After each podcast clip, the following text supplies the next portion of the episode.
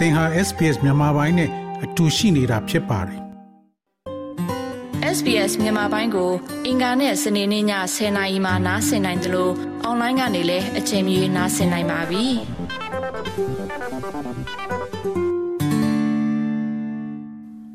သောရရှိမြခင်ဗျာ Chat GPT လို့ခေါ်တဲ့ဉာဏ်ရည်တုနည်းပညာအသစ်ဟာကိုယ်ရေးကိုယ်တာနဲ့ digital ကျင့်ဝတ်ဆိုင်ရာရင်းခုန်ဆွေးနွေးမှုများကို လှုံ့ဆော်ပေးနေပါတယ်။အီတလီသည်နည်းပညာသစ်ကိုတားမြစ်ပိတ်ပင်သည့်ပထမဆုံးသော နောက်နိုင်ငံဖြစ်လာတော့လဲတခြားသူများက Chat GPT ကိုဝေဖန်ပိုင်းခြားနိုင်သော လူသားများရဲ့အဆုံးဖြတ်ကိုကျင့်သုံးခြင်းဖြင့်သင့်တော်စွာ အသုံးပြုနိုင်ကြောင်းပြောဆိုနေကြပါတယ်။ဒါပေမဲ့ဒီ software အသစ်ကဘာလဲသူ့ရဲ့အသုံးပြုမှုအတွက်စိတ်ပူသင့်ပါသလားဆိုတာကို ကြည့်ရှုမှာဖြစ်ပါတယ်။ software ကို Microsoft ကြောထောက်နောက်ခံပြု company ဖြစ်တဲ့ OpenAI မှဖန်တီးထားခြင်းဖြစ်ပြီး ChatGPT သည်ညွှန်ကြားချက်ကိုလိုက်နာရန်လေ့ကျင့်ထားပြီးအသေးစိတ်တုံ့ပြန်မှုပေးသည့်အတိတ်ပဲရှင်းလင်းသည်ဟု ဖော်ပြထားသည့် software ကိုဖန်တီးထားတာဖြစ်တယ်လို့ဆိုပါတယ်။ Professor Timothy Miller သည် University of Melbourne မှဉာဏ်ရည်တုပညာရှင်တူဖြစ်ပါတယ်။ program သည် စာသားအခြေပြုတုံ့ပြန်မှုများကို ဖန်တီးရန်အခြေစားဘာသာစကားပုံစံများကိုမြည်သို့အသုံးပြုကြောင်းရှင်းပြပါတယ် All that large language models really do uh, at a high level is they sort of have relationships about what words uh, occur close to each other. In, in other words, how likely it is that a sentence would be produced စင်မြင် from သော the data that it's ဘာ trained သာစကား on. model များ And in အား terms လုံး of တွင် ChatGPT, ၎င်းတို့သည် the data it's တစ်ခုနှင့် trained တစ်ခု on is basically the နီးစ ပ်တဲ့စကားလုံးများနှင့်ပတ်သက်သောဆက်ဆံရေးမျိုးရှိကြပါသည်။တနည်းဆိုရသောလေ့ကျင့်သင်ကြားထားတဲ့အချက်လက်မှဝါကြတစ်ကြောင်းကိုမြင်များအထိထုတ်ပေးနိုင်ပါသလဲ။ Chat GPT ရဲ့စီကံချက်များအရ၎င်းတွင် လေ့ကျင့်ထားသည့် data သည် အခြေခံအားဖြင့် internet ဖြစ်ပါတယ်။ Professor Miller ကဘလို့အလုပ်လုပ်တယ်ဆိုတာကို ရှင်းပြဖို့ဥပမာတစ်ခုပေးထားပါတယ် I want you to complete the this sentence that I'm about to give you, okay? Okay. Uh, the woman ran up the hill. very good, right? Hill. Um, so when you said that there, that hill was probably the first that came to mind, and there's probably a few words that other people might choose.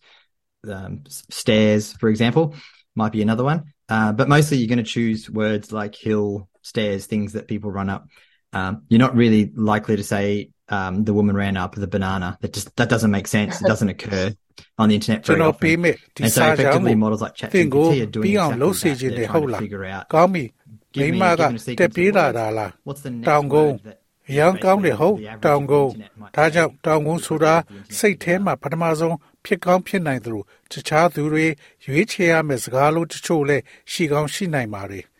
လေကားများသည့်တခြားတစ်ခုလည်းဖြစ်နိုင်ပါတယ်ဒါပေမဲ့အများအားဖြင့်သင်ကတောင်တွေလေကားတွေလူတွေတက်ပြေးတဲ့စကားလုံးတွေကို ရွေးတတ်ကြတယ်မိမကငှက်ပျော်သီးကိုပြေးတက်တယ်အဲ့ဒါကအတိတ်ပဲမရှိဘူးအင်တာနက်မှာမကြာခဏဖြစ်လိဖြစ်တာမရှိဘူးဒါကြောင့်ထိထိရောက်ရောက် Chat GPT လိုမျိုး model တွေက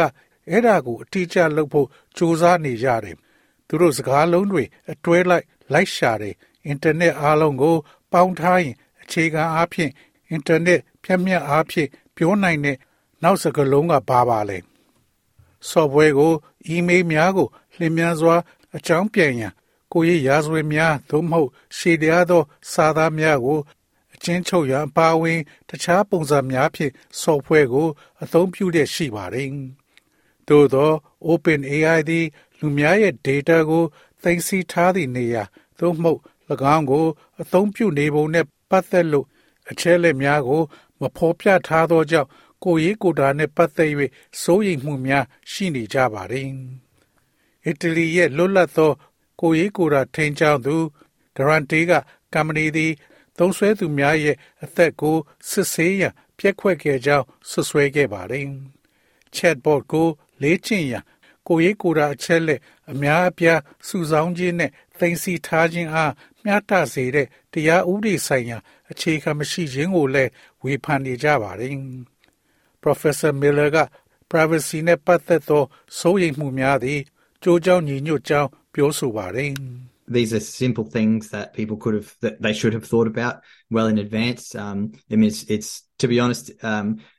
it's flabbergasting that they didn't think through some of these things. It's really surprising. There's been plenty of people talking about this for a long time. Um, so I would say, from a sort of you know consumer protection point of view, if you're taking storing people's data, it should be very clear wh- whether you're storing it, if it is what you're storing it, if, when you're storing it, what are you using ဒါ it တွေက for, how လူ long တွေ you can store ကြို it for. တွေး Those ထား are all တဲ့ very basic ရိုးရှင်းတဲ့ privacy, အရာတွေပါ I guess, I guess ရိုးရိုး principles သားသားပြောရရင် that doesn't ဤ seem အရာများ very ထဲမှာ easy to sort တ of ချို့ကို sort it မ through. စင်စား I မိ wouldn't သည် say မှာ because အံ့ it's ဩ new, စရာ I would ပါ say ပဲ because it was ဒီ right. အကြောင်းကို Uh, လူ yeah, တော် without များများ really thinking ပြောနေကြတာ about ကြာပါ privacy ပြီ concerns. ဒါကြောင့်သုံးဆွဲသူတွေကိုကာကွယ်ရေးအမြင်ကနေပြောရမယ်ဆိုရင်လူတွေရဲ့ data ကိုသိမ်းထားရင် သိမ်းထားသလားသိမ်းထားခဲ့တဲ့အခါသိမ်းစီထားသလားဆိုတာကို ရှင်းရှင်းလင်းလင်းသိဖို့လိုပါတယ်အဲ့ဒါကိုဘယ်လောက်ကြာကြာသိမ်းထားမလဲ၎င်းတို့အားလုံးသည် အလွန်အခြေခံကျသော ကိုယ်ရေးကိုယ်တာမှုများကို မစင်စားခဲ့ကြပါဘူးအသက်ဖြစ်တာကြောင့်လို့တော့မပြောလိုပါဘူးစိတ်ပူစရာတွေကိုတကယ်မစင်စားပဲအမြန်ထွက်သွားတာကြောင့်လို့ပဲပြောချင်ပါတယ် Professor Janine Patterson သည် Melbourne တက္ကသိုလ်မှ ကိုယ်ရေးကိုယ်တာဥပဒေတွင် အထူးပြုထားပြီး AI နဲ့ Digital Ethics Center တွင် တွဲဖက် Director လည်းဖြစ်ပါတယ်။ data စုဆောင်းခြင်းနဲ့သိမ်းဆည်းထားခြင်းဆိုင်ရာ အချက်လက်များနှဲပါခြင်းသည် ကိုယ်ရေးကိုယ်တာ အချက်လက်များကို ချိုးဖောက်ခြင်းအတွက်သာမက လူသားများရဲ့ယုံကြည်ခြင်းနဲ့ရွေးချယ်မှုများကို လွှမ်းမိုးရန် ထို data ကို အသုံးပြုပုံနဲ့ပတ်သက်၍လည်း သူမက ပြောကြားခဲ့ပါတယ် This is a technology that has the capacity to analyze the data that's collected and then use that information back to us. And that can be used in the commercial interest of the person who's providing the technology or the political interest of a person who's providing the technology. So that sort of concern about, you know, ၎င်းသည် extreme စုဆောင်းရရှိထားသော views and, data များကို um, ခွဲခြားစိတ်ဖြာပြီးထိုအချက်လက်များကိုကျွန်ုပ်တို့ထံပြန်တဲ့အသုံးပြုကာ ဤပညာကိုပံ့ပိုးနေသူရဲ့စီးပွားဖြစ်သို့မဟုတ်နိုင်ငံရေးအကျိုးစီးပွားအတွက်အသုံးပြုနိုင်တဲ့ဤပညာတစ်ခုဖြစ်ပါတယ်။ဒါကြောင့်အလွန်မင်းနိုင်ငံရေးအမြင်တွေကိုလှုံ့ဆော်ပေးပြီးလူတွေကိုနိုင်ငံရေးအရာစီးပွားရေးဆိုင်ရာဆုံးဖြတ်ချက်တွေစီတွန်းပို့တာဟာတကယ်ကိုပြဿနာဖြစ်တယ်လို့ကျွန်မထင်ပါတယ်။ Professor Patterson ကလူဝဲရေးဥပဒေသည် ပြောင်းလဲနေသောဤပညာကို အမိလိုက်နိုင်ရန် ဒီဇိုင်းထုတ်ဖို့လိုအပ်တယ်လို့ဆိုပါတယ်။သို့သောကျွန်ုပ်တို့သည် လူတူတစ်ယောက်ရဲ့အတွင်ရေးနဲ့ဤပညာနှင့်ကျွန်ုပ်တို့ရဲ့ဆက်ဆံရေးကို ပြန်လည်မြင်အောင်ရန်လိုအပ်တယ်လို့သူမကပြောဆိုပါတယ်။ Generally, what we have at the moment is in the Privacy Act is what we call principles based regulation. The Privacy Act is a set of principles and it's been deliberately designed that way so that we can respond to changing technology.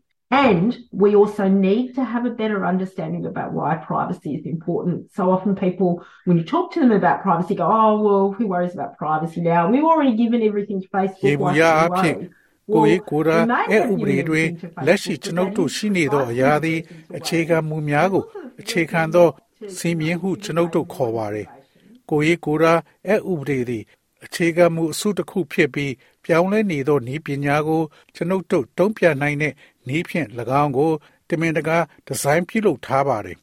ထို့အပြင် privacy သည်အဘဲကြောင့်အရေးကြီးကြောင်းကိုလည်းကျွန်ုပ်တို့နားလေသဘောပေါက်ရလိုအပ်ပါတယ်။ဒါကြောင့်သူတို့နဲ့ privacy အကြောင်းပြောတဲ့အခါမကြာခဏဆိုသလိုလူတွေကအိုး privacy ကိုစိတ်ပူတဲ့သူတွေအခုပဲအဲ့ဒီသွားနေ။ဒါကြောင့်မကြာခဏလူတွေက privacy အကြောင်းပြောတဲ့အခါ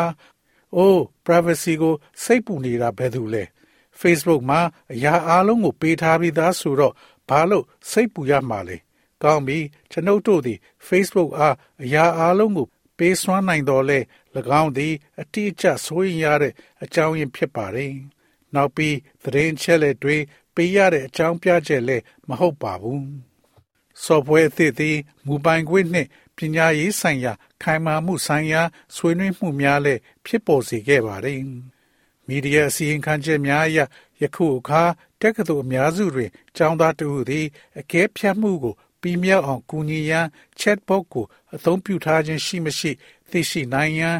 Turnitin ကို အသုံးပြုရန် ရွေးချယ်ခွင့် ရှိပါတယ်။သို့သော Sydney တက္ကသိုလ် Deakin University နှင့် Monash တက္ကသိုလ်တို့သည်၎ င်း software ကို အသုံးပြုခြင်းမှရှောင်ကျဉ်သော အဖွဲ့အစည်းတချို့ဖြစ်ပါတယ်။ကျောင်းသားများ AI ကိုကျင့်ဝတ်သိက္ခာရှိရှိနဲ့တာဝန်သိစွာ အသုံးပြုနိုင်ရန် လုံလောက်သောစစ်ဆေးမှုနှင့်အကဲဖြတ်ခြင်းတို့ကို မလုံဆောင်မချင်းလုံလောက်သောစစ်ဆေးမှုနှင့်အကဲဖြတ်မှုမပြုလုပ်မချင်းဤပညာဆိုင်ရာချီးကပ်မှုအပါအဝင်တက္ကသိုလ်၃ခုမှ၎င်းတို့ရဲ့အကြောင်းပြချက်ကိုကိုကဖော်ပြထားပါတယ်။ Professor Margaret Berman သည် Deakin တက္ကသိုလ်ရှိ Digital သင်ယူမှုနှင့်အကဲဖြတ်မှုဆိုင်ရာ သုတေသနစင်တာ CRADLE Cradle မှဖြစ်ပါတယ်။ Turner တွေနဲ့ပတ်သက်ပြီးတက္ကသိုလ်ရဲ့ဆုံးဖြတ်ချက်မှာသူမမပါဝင်ခဲ့ဘူးလို့ပြောဆိုပါတယ်။ဒါပေမဲ့ AI နေရာမှာကျောင်းသားရဲ့အလုပ်ကို အတိုင်းအတာတစ်ခုအထိအစားထိုးမှုကြီးမားတဲ့စိုးရိမ်ပူပန်မှုရှိတယ်ဆိုတာမယုံဘူးလို့သူမကဆိုပါတယ်။ Professor Berman က၎င်းသည်လိန်လေလှည့်ဖျားမှုကိုရှော့ချရန်အတွက်လဲလှုပ်ဆောင်တဲ့ဒီထွင်ဖန်တီးမှုဆိုင်ရာအကဲဖြတ်မှုများပုံမလှုပ်ဆောင်လာစေရန်တက္ကသိုလ်များကိုလှုံ့ဆော်ပေးမယ်လို့ဆိုပါတယ်။ Gen AI is going to be out there in the workplace. You know, I spoke to someone on the tram. They said, "Oh, my boss was writing a policy using ChatGPT." So if people in workplaces are using ChatGPT and people are using in their daily lives, our students need to be able to navigate that world. generative AI ကအလုတ်ခွင်မှာအပြင်ထွက်ပြီးဓာတ်ရထားပေါ်ကတစုံတစ်ယောက်နဲ့စကားပြောခဲ့ပြီးဟိုငါ boss က Chat GPT သုံးတဲ့မူဝါဒကိုရေးနေတယ်လို့ပြောဆိုပါတယ်ထို့ကြောင့်လုပ်ငန်းခွင်ရှိလူများသည် Chat GPT ကိုအသုံးပြုပြီး၎င်းတို့နေ့စဉ်ဘဝတွင် လူအများအသုံးပြုနေပါကကျွန်ုပ်တို့ရဲ့ကျောင်းသားများသည်အဲ့ဒီအသုံးပြုတဲ့ကဘာသို့သွာလာနိုင်ရန် လိုအပ်ပါတယ်ကျွန်ုပ်တို့ရဲ့အကဲဖြတ်ချက်များသည်ဤလောကထဲသို့ဝင်ရောက်လာမယ့်အချိန်နဲ့ကိုက်ညီနေပြီလို့ကျွန်ုပ်ထင်ပါတယ်ပြီးတော့ကျွန်ုပ်တို့ကအဲ့ဒါနဲ့အဆက်အသွယ်ဖြတ်ထားတာအတန်ကြာပြီလို့ကျွန်ုပ်ပြောနိုင်ပါတယ် Professor Berman က generative AI သည်ဝေဖန်ပိုင်းခြား၍အကဲဖြတ်ခြင်းထက်စံတုံးပြမှုကို ပေးတယ်လို့အခိုင်အမာပြောဆိုပါတယ်။ software သည် Microsoft Word ကဲ့သို့သောပညာရေးဆိုင်ရာကိရိယာများတွင်ထည့်သွင်းထားနိုင်ပွဲရှိသောကြောင့်၎င်းသည်ကျောင်းသားများအားဝေဖန်ပိုင်းခြားနိုင်သော တွေးခေါ်မှုစွမ်းရည်အသစ်နှင့်သက်ဆိုင်သောနည်းဖြင့်သုံးချရန်အခွင့်အလမ်းများပေးမယ်လို့သူမကပြောဆိုပါတယ်။ So within this framework, you know, I can see a lot of use for working with something Gen AI to get people to critically interrogate their own views. Is what the Gen AI returning, is that reasonable? What are the problems with it? You can ask the Gen AI to critique itself, but you as a student as well could start to bring in something we call evaluative judgment to make sense of whether that is ဒါကြောင့်ဒီမူပေါင်းအတွင်းမှာ Gen AI နဲ့တွဲလုပ်ရတဲ့အတွက်လူတွေကိုသူတို့ရဲ့ကိုယ်ပိုင်အမြင်တွေကိုစမ်းစစ်ဝေဖန်ဖို့လူတွေကိုရအောင်လုပ်ရမှာအများကြီးအသုံးဝင်တာကို တွေ့ရပါတယ်။ Gen AI ပြန်လာခြင်းသည်ကြိုးကြောင်းစီတော်မှု ရှိပါသလားအဲ့ဒါနဲ့ဘာပြဿနာများရှိသလဲ Gen AI ကို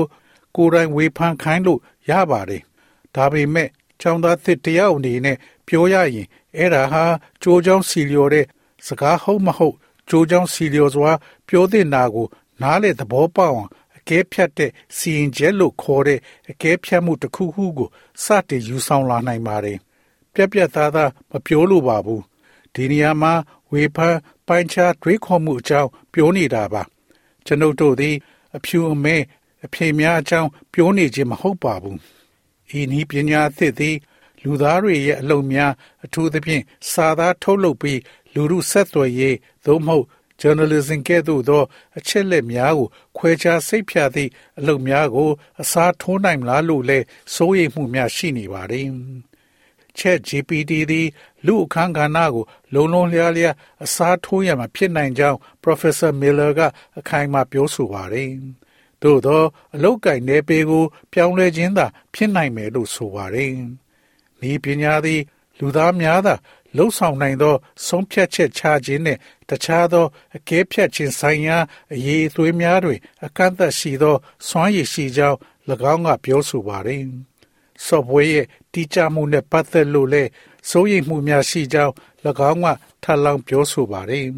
။ Professor Miller က AI စနစ်သည်အင်တာနက်ပေါ်တွင် ပေးထားသောစကားလုံးများသည်တစ်ခုနှင့်တစ်ခုဆက်ဆက်နေသောကြောင့်မစီမဆိုင်သို့မဟုတ်မှားယွင်းသောအချက်လက်များကိုမိတို့ထုတ်ဖော်မည်ကိုဖော်ပြရန်အတွက်ရောင်မှားခြင်းဟူသောဝေါ်ဟာရကို အသုံးပြုခဲ့ကြောင်းပမောက္ခမီလာကပြောဆိုပါတယ်။သို့သော ပမောက္ခပက်တဆင်က ဝေဖန်ပိုင်းကြား၍အသုံးချသောအခါတွင်ထိုကဲ့သို့သော AI နည်းပညာအတွက်အကျိုးကျေးဇူးများရှိကြောင်းပြောဆိုပါတယ်။ Elon Musk နဲ့ဉာဏ်ရည်တုကျွမ်းကျင်သူများနှင့်လုပ်ငန်းအမှုဆောင်အဖွဲ့တစ်ဖွဲ့သည် မကြသေးမီက AI စနစ်များကို လေ့ကျင့်ရေးတွင်ခိတ္တရထားရန်တောင်းဆိုခဲ့ပြီး ထို့သောသောဒီဇိုင်းများအတွက်မျှဝေထားသော protocol များကို မတိမထွင်ခြင်းရပ်တန်းထားရန် တောင်းဆိုထားပါတယ်။သောရရှိမြခင် SBS သတင်းဌာနက Catriona Stirridge ရဲ့ဆောင်းပါးကိုဘာသာပြန်တင်ဆက်ပေးထားတာဖြစ်ပါတယ်ခင်ဗျာ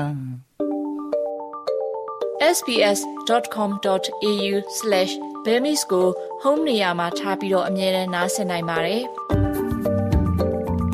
နောက်ဆုံးရသတင်းတွေ၊ဆောင်းပါးတွေနဲ့စစ်တမ်းတွေမှာပါဝင်ပြီးတော့ဆက်သွယ်မှုလုပ်နိုင်ပါတယ်။ sbs.com.au/bemis ဖြစ်ပါတယ်ရှင်။